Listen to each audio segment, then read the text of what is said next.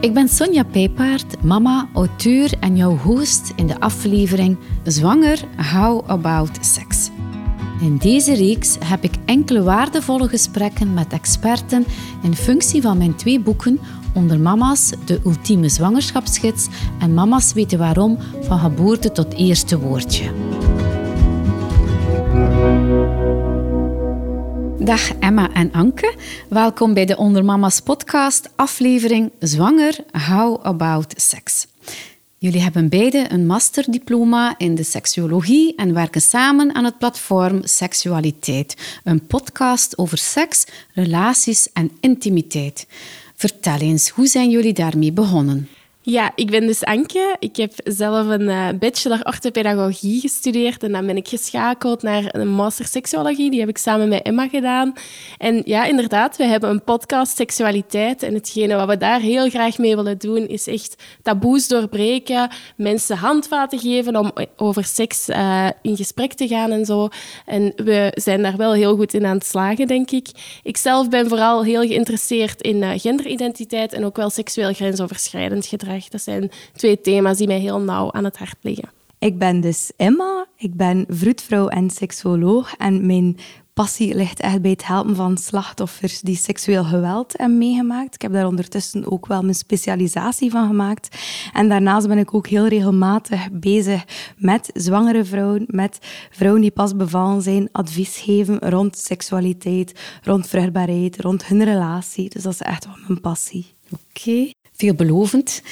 In verwachting zijn van een babytje brengt ongetwijfeld heel wat veranderingen met zich mee. Lichamelijk, hormonaal, emotioneel. Maar kan een zwangerschap ook effect hebben op je relatie? Ik denk dat we, dat we zeker kunnen zijn dat een zwangerschap effect heeft op je relatie. Het heeft effect op u als persoon. Het heeft effect op je partner als persoon.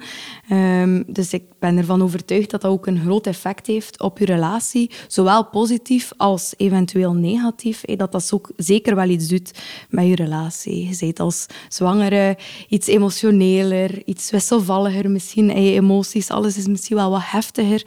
En sowieso moet je daar wel op zoek als koppel dan naar een nieuwe balans, waarin dat je beide je comfortabel voelt. Dus ik ben ervan overtuigd dat dat wel iets doet. Uh, iets doet, ja. In een relatie. Ja, zeker. Een zwangere vrouw en haar hormonen, uh, die hebben het soms hard te verduren. Hè. Maar ook die partner van jou, die drijft mee met deze hormonale golven gedurende de trimesters. En uh, nu en dan gaan die up en down. En zorgt deze rollercoaster van emoties vaker voor een conflict? Hebben jullie daar ervaring mee? Ja, ervaring uiteraard nog niet, want ik ben nog niet uh, zwanger geweest. Dus, maar ja, dat klopt wel inderdaad. Het is zo... We zien conflict heel vaak wel als iets negatiefs, terwijl een conflict ook wel iets positiefs kan zijn, waar, waarbij dat je kunt uitspreken van kijk, waar lopen we nu eigenlijk op vast? Het is vooral het vervolg van hoe dat je omgaat met het conflict. Bent je iemand dat je weet eerder in de relatie van ik ben iemand die heel conflictvermijdend is. Probeer je daar alert op te zijn en probeer de dingen die je voelt en die je, waar dat je over nadenkt, probeer die uit te spreken tegenover je partner.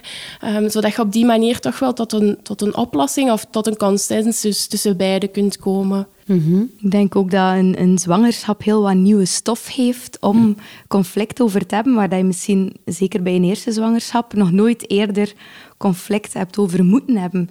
Dus dat dat misschien vaak voelt als conflict, maar dat dat eerder is dat jullie beiden op zoek zijn naar een, een nieuwe weg en zo'n nieuwe antwoorden op vragen die misschien nooit eerder kwamen. Dus dat dat ergens ook heel normaal is dat dat komt. En dat dat ja. niet iets is dat een schande is of een probleem is. Dat dat eigenlijk heel oké is, dat die nieuwe conflicten daar ook gewoon zijn. Ja, want uh, het is ook zo dat uh, je partner en jezelf beleven de zwangerschap uiteraard op een verschillende manier. En uiteindelijk draag je als vrouw uh, het kindje in je buik. je voelt niet alleen de ongemakjes, maar ook de meest magische momentjes, zoals de eerste schopjes. En je partner die kijkt wat meer toe van buitenaf. Hè? Maar hebben jullie tips om je partner meer te betrekken bij de zwangerschap? Ik denk Um, onze tip dat wij eigenlijk, ik merk dat enorm in onze eigen podcast ook, dat wij altijd geven aan koppels is communicatie. Dat is zo belangrijk en ook daar denk ik dat spreek met je partner van wat wil hij, op welke manier wil hij betrokken zijn bij mijn zwangerschap en waar hecht hij waarde aan? Wat vind hij belangrijk? Ik denk dat we er vaak van uitgaan van ik ken mijn partner, ik weet dat wel, hé, waardoor dat je iets niet vraagt en dat je eigenlijk misschien belangrijke momenten mist. Gewoon omdat je niet weet van elkaar dat je dat belangrijk vindt. Dus daarover spreken en daar dan rekening over uh, mee houden, ja, ik denk dat dat heel belangrijk is. Denk maar aan bijvoorbeeld als je zelf belt naar de gynaecoloog van ah, ik wil mijn eerste echo, ja, dat je ook een keer vraagt aan je partner, ben je ook vrij uh, donderdagmiddag om drie uur, want dan heb ik een afspraak of wil je dat ik de afspraak verzet? Zo, zo dat je echt wel rekening houdt met elkaar in die kleine dingen, dat dat heel belangrijk is. Dat je partner zo ook betrokken kan zijn. Ja, en uiteraard ook het delen van kleine mijlpalen, de baby voor de eerste keer voelen. En dat is dat klinkt logisch, maar ik, ik, denk dat sommige mensen daar weinig bij stilstaan. Hoe belangrijk dat dat ook voor je partner kan zijn, om zich wat in te beelden of, of zo wat te voelen van, ah, oké, dit is hoe, hoe het allemaal in elkaar zit. En ja, dat is ook wel een heel belangrijk gegeven, om daarover in communicatie te gaan. Er altijd voor zorgen dat je op dezelfde golflengte zit met je partner en dat hij mee kan volgen gedurende de zwangerschap en ook die betrokkenheid. Hè? Want ja, eens de baby geboren, dan begint het meestal voor eh, de partner. Uh, maar eigenlijk moet je ervoor zorgen dat je vooraf al een band hebt gecreëerd hè, met de baby mhm. en uh, je partner. Mm Wat zijn de meest voorkomende relatieproblemen zo tijdens een zwangerschap en hoe los je deze dan op? Ik denk, ja, de, de druk op je relatie is plots verhoogd. Je weet, oké, ik ben zwanger. Ik ben vanaf nu eigenlijk onlosmakelijk verbonden aan mijn partner. Of je weet, hé, mijn partner is zwanger. Dat, dat verbindt u op een bepaalde manier die enerzijds prachtig is en supermooi is, maar anderzijds ook wel wat uh, schrik en wat angst kan oproepen. Dus ik denk dat dat zeker iets is dat mensen um, in het koppel met elkaar hoe moeten kunnen communiceren, maar ook um, ventileert daarover, praat daarover misschien met iemand anders. Um, ik denk dat dat heel belangrijk is, dat dat misschien de basis kan zijn van een relatieprobleem. En voor de rest, volgens mij zijn er niet echt heel specifieke dingen die meest voorkomen of die vaker voorkomen dan andere. Ik weet niet, Anke, hij wel? Ja, het is niet specifiek een probleem, maar je moet ook wel wat zoeken naar je nieuwe identiteit als mama en papa. Je gaat van partner voor elkaar naar ook wel andere rollen. Dus dat is logisch dat dat even een evenwicht is, een onevenwicht is, waardoor dat je wat meer moet gaan kijken van kijk, wat is nu de invulling en op welke manier ga ik en die mama-rol, maar ook nog wel die partnerrol blijven opnemen tegenover elkaar. Dus ja... Ook op gebied van seksualiteit verandert er wellicht een hoop wanneer je in verwachting bent. Hè? Hoe zit dat met seks tijdens de zwangerschap? Seks tijdens de zwangerschap is eigenlijk niet schadelijk, terwijl ik kan wel begrijpen dat dat voor een van beide partijen wat voelt alsof dat je schade zou kunnen toebrengen aan de, aan de baby of, of voor de zwangerschap. Terwijl dat anatomisch, als je daar wat kennis van hebt, is er eigenlijk geen enkele tegenindicatie om geen seks te hebben tijdens de zwangerschap. Maar natuurlijk, ja, dat is medisch gezien en dat is hoe het allemaal in elkaar zit. Maar dat kan wel... Eh, ja, je kunt wel een bepaald gevoel hebben van oh, dit voelt voor mij toch niet fijn op die manier. Ja, maar in principe schaadt het dus de baby niet en weet de baby er ook niets van. Het is niet dat die baby denkt, oeh, uh, dat vruchtwater beweegt hier nu in een ritme. Die baby voelt dat echt niet. Um, er zijn natuurlijk wel een aantal situaties waarin je wel voorzichtig moet zijn. Um, ik denk, als je bloedverlies hebt tijdens je zwangerschap, is het beter om geen seks te hebben op dat moment en eerst een keer op controle te gaan om te zien, is alles oké?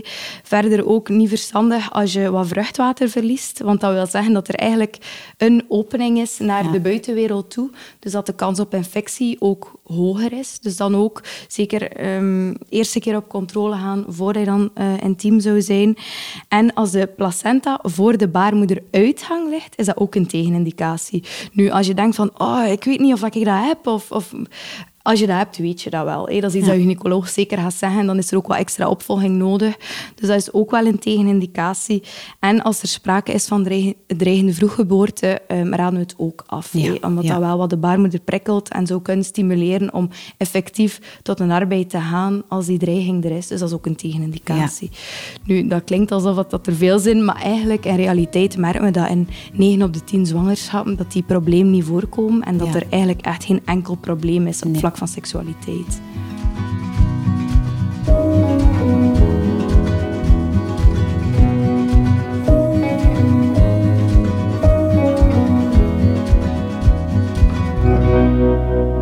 Maar het eerste trimester kan wel wat moeilijk liggen. Hè? Is er Ja. vaak eentje van kwaaltjes, je bent moe, misselijk, eh, je borsten zijn gevoelig, soms wat pijnlijk. En wat als je helemaal geen zin meer hebt in seks, maar jouw partner wel? Wat dan? Ja, dan opnieuw moet je dat gesprek proberen aan te gaan. Hè. Ehm, ik denk, je mag zeker je grenzen stellen als je het gevoel hebt van "Ach, ik ben misselijk, ik ben moe, het gaat niet voor mij. Eh, er zit iets op mijn blaas te drukken, ik voel me niet comfortabel. Ja, zeg dat dan ook tegen je partner en reken op, op wat begrip van je partner, hoe moeilijk dat, dat ook is. En het is misschien een magere troost, maar je weet dat in het tweede trimester de vrouwen heel vaak wel meer zin hebben in seks. Hè? Dus desnoods zeg je dat zo aan je partner van ja, maar nu voel ik mij niet fit genoeg, voel ik mij niet oké. Ehm, de zin in seks is van zoveel factoren afhankelijk, ook buiten zwangerschap. Hè? Alles Ja. wat je ziet of hoort of voelt of denkt een hele dag lang, heeft invloed in principe op hoeveel zin dat je op een bepaald moment in seks hebt. Ja. En ik denk dat iedereen zich wel kan inbeelden, als je misselijk bent, als je je niet goed voelt, ja, dat Nee. die zin er gewoon niet is en dat dat super normaal is. Ja, en, en los van de zin in seks, buiten seks zijn er ook nog heel andere dingen om te doen, om intiem te zijn met elkaar. Lekker samen in de zetel kruipen of gewoon nog eens in elkaars ogen kijken of een innige zoen geven aan elkaar. Dat zijn ook wel dingen waar dat je energie uit kunt halen en waarbij dat je toch wel je partner op die manier wat tevreden kunt stellen. Of, ja, Ja, we kunnen misschien wel aannemen dat eh, sommige vrouwen minder zin hebben in seks. Maar er zijn ook vrouwen bij wie dat het toeneemt. Ja, ja. En het is heel individueel afhankelijk. Het is bij, bij iedereen zien we een ander patroon. Inderdaad, Emma zegt net van in de tweede trimester, sommige vrouwen krijgen veel meer zin in seks. Moest je nu zelf bij je, bij je eigen merken van, oh, bij mij is dat helemaal niet het geval. Dat is absoluut niet abnormaal. Het is heel individueel wisselend van persoon tot persoon. Ja, veranderen de vrouwelijke geslachtsorganen gedurende de zwangerschap. Ja, er is dus tijdens het tweede trimester een verhoogde bloeddoorstroming door die eh, vrouwelijke geslachtsorgaan. En dat zorgt ervoor dat, het, dat dat gevoel ook misschien anders is. Dat dat voor sommige vrouwen veel intenser is. We hebben ook een poll gedaan op onze Instagram. En dan hebben er echt wel heel wat mensen aangegeven van... Seks tijdens mijn zwangerschap voelde helemaal anders. Alles voelde duidelijker. Ik werd sneller vochtig. Dat ging beter. Dat kan. En dat kan ook zijn dat dat nu bij jou misschien net niet zo is. En dat is ook oké. Ehm, maar het is wel zo dat anatomisch gezien die bloeddoorstroming verhoogt. Dus dat er daar meer vocht naartoe kan stromen. En dat alles gevoeliger is. Ja. En het libido kan zich aanpassen dan? Dat kan. Dat kan zich eigenlijk sowieso altijd aanpassen. hè. Dus zeker in de zwangerschap ook. Ja, ja. ja, een orgasmekloof. Mannen ervaren vaker een orgasme tijdens seks dan vrouwen. En voor veel mensen is het bereiken van een orgasme een noodzakelijk onderdeel van seks. Hè? Maar kunnen jullie even eh, toelichten, wat is een orgasme nu juist? En wat is de functie van de clitoris? Dat is een heel moeilijke vraag. Door heel onze opleiding lang hebben we eigenlijk heel vaak gediscussieerd over wat is een orgasme nu juist en hoe definieer je dat? Want ook dat is weer zo individueel afhankelijk, zo persoonsafhankelijk, dat dat zo moeilijk te definiëren is. Er bestaat daar ook een heel fijne documentaire over. Ik weet niet of je die ooit al gezien hebt. Een documentaire waarin dat vrouwen, ehm, het zijn denk ik twintig vrouwen die heel snel naar elkaar vertellen hoe dat hun orgasme voelt. En dat zijn twintig heel andere verhalen. Dus eh, er is zeker een orgasmekloof. eh als in dat man veel vaker tijdens de seks, tijdens vooral penetratieseks, een orgasme hebben dan vrouwen. Wat dat, dat orgasme dan is, dan is dat eerder persoonlijk bepaald. Eh, Ik denk dat de meeste mensen dat wel aanvoelen, dat ze dat wel weten wanneer dat, dat er is. Maar het is voor ons wel een jammer gegeven dat dat precies moet tijdens seks. Seks is zoveel meer dan een opbouw naar een orgasme om dan te stoppen. Dat is iets dat wij echt proberen te ontkrachtigen, dat dat de standaard stapjes zijn. Voorspel, penetratie, orgasme van de man, klaar. Dat proberen wij volledig van de baan te schrijven. En dan is de rol van de clitoris daar, ehm, die nog zo onderontdekt is, die nog zoveel te weinig in beeld wordt gebracht, te weinig correct in beeld wordt gebracht, maar zo nodig is voor dat vrouwelijk genot. Want dat is eigenlijk het, de enige functie van de clitoris, als ze tot nu toe hem kunnen vinden, is genot. Dus Ja. waarom zouden we die dan niet mogen gebruiken? Want Ja. die is er Ja. voor dat genot. Ja, want het zou wel kunnen, hè, door die bloeddoorstroming. En dat dat bij vrouwen precies wel het libido meer opwekt. Hè. En uh, dat jij als vrouw dan, zwangere vrouw, meer zin hebt. Maar je partner wil dan misschien niet mee of durft niet. Wat doe je dan? Ja, dat is ook weer zo moeilijk. Hè? Mm. Ik denk dat daar begint bij uh, educatie van de partner en duidelijk maken van oké, okay, um, hij schaadt de baby zeker niet. Hè. Um, jouw penis kan niet die baby raken, je kan niets verkeerd doen. Er kan daar niet ook al is uh, even te hard of buiten controle. Er kan eigenlijk naar de baby toe niets mislopen. En ook naar de vrouw toe hè, kan er niets mislopen. Als die vrouw dat wil, um, is er eigenlijk geen reden om het niet te doen. Nu, uh, heel veel vaders zeggen van, ik voel mij precies bekeken. Er is daar zo een derde persoon bij, of ik voel like, dat er hier te veel, te veel volk is, meer dan met twee. En ik wil niet dat mijn kind dat weet, maar zoals ik helemaal in het begin zei, een kind weet dat niet, beseft dat niet, voelt dat niet. Dus, dus ik denk dat daarbij begint. Um, maar anderzijds is het ook wel zo, net zoals dat de vrouw het recht heeft om te zeggen, ik heb nu geen zin, heeft ook de man dat recht. Um, ja. Evenveel. En dan kan je samen zoeken naar andere manieren om intimiteit uh, te beleven, hè, zonder dat daar effectief seks voor nodig is. Ja, uiteraard. Dat is wat ik net ook al zei. Wat, meer affectie zoeken in andere situaties. Um, misschien ook, stel dat je, dat je wel seks hebt, dat je wat zoekt naar, naar praktische oplossingen om, om te zorgen dat die een buik toch niet in de weg zit. Want dat denk ik dat vaak voor mannen ook wel een struikelblok kan zijn. Plus, um, het lichaam van de vrouw verandert ook volledig. En op sommige sommige mannen heeft dat een positief effect en op andere mannen moeten daar even wat meer aan wennen aan dat idee. Dus, dus geef, je, geef je partner ook even die tijd om daaraan te wennen. Praat daarover met elkaar. Voel dat ook niet als een persoonlijke aanval. Als uw man zegt van oh, ik heb het hier even moeilijk mee. Um, dat zijn al die verschuivingen van rollen, van hoe dat eruit ziet. Uh, geef elkaar daar zeker de tijd en de ruimte in. En blijf daar gewoon over in communicatie gaan met elkaar.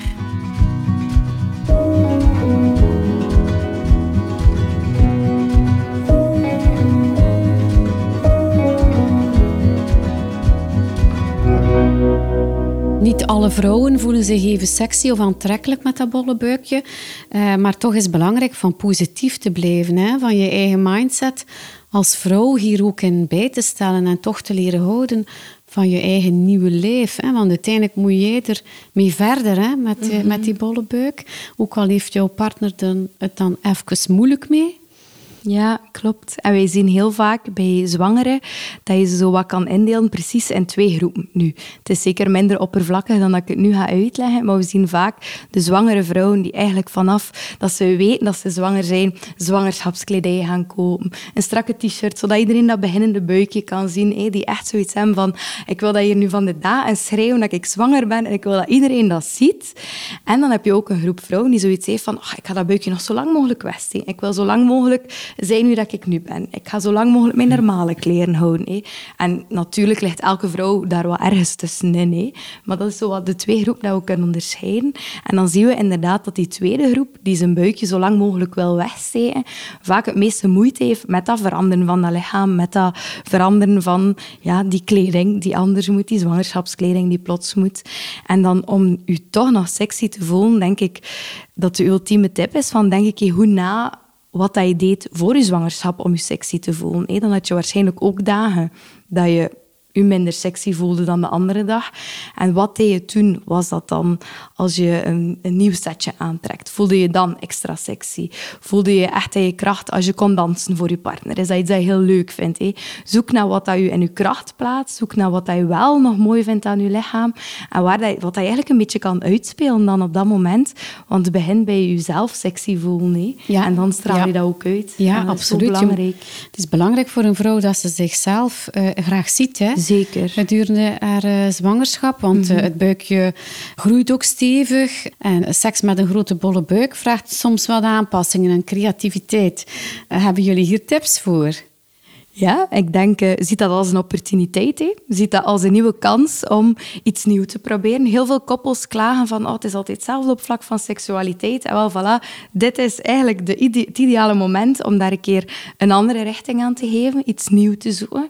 Om uh, nieuwe standjes uit te proberen. Nieuwe vormen van seksualiteit te ontdekken. Meer naar aanrakingsgericht, misschien minder op die penetratie gericht. Hè? Zo, allemaal nieuwe manieren. Dat is eigenlijk een ideale periode daarvoor, want je kan niet anders. Want misschien wat je als basis seksualiteit heet, kan niet meer. Dus je moet uh, jezelf en je partner uitdagen om iets nieuws te proberen. Ja, en, en ervoor te zorgen dat je ontspannen bent en dat je er kan van blijven genieten samen. Mm. Ja, ja inderdaad. Dat is heel belangrijk. Ja. Maar uh, sommige zwangere vrouwen ervaren toch wel wat pijn tijdens uh, de seks. En sommigen hebben misschien last van wat bloedverlies tijdens of na het vrijen. Wat is hiervan uh, de oorzaak? -hmm. um, dat bloedverlies is inderdaad iets wat daar regelmatig voorkomt. En dat is ook weer wat anatomisch te, te verklaren eigenlijk. Als dat maar een klein beetje bloedverlies is die enkel voorkomt tijdens het vrijen of er vlak na, dan zien we eigenlijk dat dat vaak van de baarmoedermond komt. Die op dat moment ook iets meer doorbloed is. Dus iets gevoeliger is. En als die penis daar dan tegen drukt, of als iets daar tegen drukt, kan dat natuurlijk een kleine bloeding veroorzaken. Als dat klein is en dat stopt terug, een half uur, een uur na het vrijen, dan moet je echt geen zorgen maken. Dan is dat echt wel normaal. Um, stel dat je merkt van, oeh, uh, tien uur later heb ik nog bloedverlies. Oké, dan is het wel tijd om een keer eh, je verloskundige of je dokter te bellen en dat keer te vertellen. Je moet daar ook totaal niet beschaamd om zijn om dat dan te zeggen. Nee. Um, maar dan moet er toch wel iets, iets veranderen. En die pijn is inderdaad ook iets wat we vaak wel um, horen van zwangeren. En dat kan eigenlijk verschillende oorzaken hebben sowieso tijdens je zwangerschap je meer gevoelig voor een semmelinfectie door de verandering in de zuurtegraad van je vagina.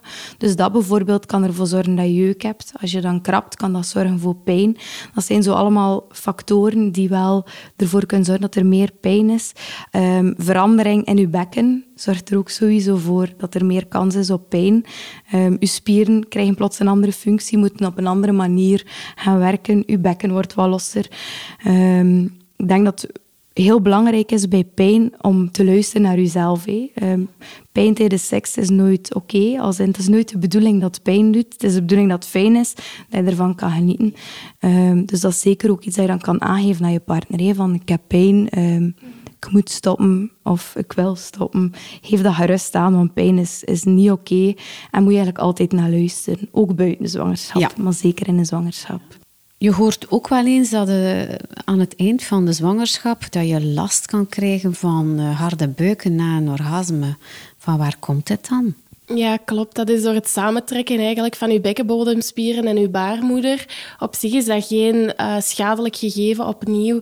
Uh, soms kan dat wat gepaard gaan met wat ongemak, maar je kunt gerust met een warm waterkruik of met een lekker pittenzakje of, of vragen even aan uw partner of dat hij dat wat wil masseren. Um, maar het is op geen enkel vlak schadelijk om een harde buik te krijgen. Nee. nee. En kan je babylast krijgen van uh, jouw orgasme? Nee, nee, opnieuw. Uh, de baby heeft geen last van... Uh... Hij voelt het niet. Nee, nee. Hij golft of hij surft mee op de golven. Ja, ja inderdaad. kan de bevalling beginnen door seks? Hè? Want dit is toch ook wel een belangrijke vraag. Ja, het is zo dat er in uh, sperma een stof zit, namelijk de prostaglandines, die zorgen voor samentrekking van de baarmoeder. Nu, wetenschappelijk onderzoek zegt van dat is zo'n ontzettend lage hoeveelheid dat er in sperma zit. Dus ze, zijn, ja, ze gaan ervan uit dat dat eigenlijk niet het geval is, dat dat het niet kan opwekken. Het is zo'n beetje de tip dat wij ook zelf als in de opleiding vroedkunde dat wij kregen. En ondertussen is dan, zoals Anke zegt, in onderzoek gevonden dat eigenlijk toch niet blijkt zo'n effect hebben. Um, die prostaglandines op zich dan. Maar wat we wel zien is, beweging heeft dan wel weer een positief effect op de opwekking van de bevalling. Dus in dat opzicht kunnen we dat wel zeggen. Misschien doet het toch wel iets, want je bent actief bezig, je bent aan het bewegen. Um, dus dat kan er dan misschien wel voor zorgen. Maar die prostaglandines aan zich, inderdaad... Um, jammer genoeg is dat niet meer het middeltje, is dat, is dat uh, trucje wat ontkrachtig. Ja. Oké. Wat is uh, jullie ultieme tip voor het uh, boosten van het seksleven tijdens de zwangerschap? Um, ik denk, mijn ultieme tip is communicatie en zie jezelf graag. Wees trots op het feit dat je lichaam zoiets zot kan en zoiets indrukwekkend doet, dat dat een, een kindje aan het krijgen is. Dus wees daar ook trots op en, en straal dat maar uit. Dat mag, mag daar echt trots op zijn. En dat op zich... Ehm, in combinatie met weten dat seksualiteit totaal geen kwaad kan tijdens de zwangerschap, is denk ik mijn ultieme tip van doe gewoon en geniet ervan. En geniet ook van je, van uw lichaam. Het is maar even. Het is maar negen maanden zo. Hè. Ja, mijn ultieme tip is eigenlijk wat Emma eerder al, al aangehaald heeft probeer de kans te grijpen om je seksualiteit samen terug opnieuw te ontdekken en, en nieuwe kansen aan te grijpen, nieuwe dingen te ontdekken. Um, misschien is het niet altijd even praktisch dat er een buik in de weg zit, maar vind daar samen een oplossing voor. Probeer samen dat wat in te vullen over hoe gaan we hiermee om, uh, welke manieren kunnen we nog doen. Um, dat is denk ik mijn ultieme tip. Ja. Het is de moment om nieuwe ervaringen op te doen. Ja. En wie weet houd je daar wel iets schitterend aan over. Ja. Hè, dat je ook na de zwangerschap nog meeneemt. Ja, ja, ja, ja. En los daarvan, stel dat dat niet het geval is, is dat ook dik oké. het, is, Ja. het is geen moetjes of geen magjes dat we hier allemaal eh, op tafel gooien, maar eh, ja, het is heel individueel afhankelijk ook welk effect dat het heeft. Hè? Ja. Dankjewel Emma en Anke voor dit interessante gesprek. Ik denk dat we vandaag heel wat mama's een antwoord boden op hun meest intieme vragen. Dat is heel graag gedaan. Ik vond het super fijn om hier te zijn. Misschien ook eh, voor, voor ons platform op Spotify kan je het vinden, seksualiteit, ook op Apple Podcast. We hebben ook wel wat afleveringen, rond, afleveringen gemaakt rond verschillende seksueel verlangen. Ook de orgasmekloof, dus moest je merken van dat thema heeft mij wel getriggerd. Ga gerust eens kijken en luister eens naar onze afleveringen. Ja, oké, goed. Lieve luisteraar, wil je graag nog meer tips over machtig moederschap? Schrijf je dan in op de website ondermamas.be. Dat is de online community voor mama's in spe en mama's met jonge kinderen. Kom terecht in een warme wereld waar mama's elkaar ontmoeten en wijsheid en ervaringen onderling kunnen delen. Registreer je, praat met andere mama's en lees. Want mama, je staat er niet alleen voor.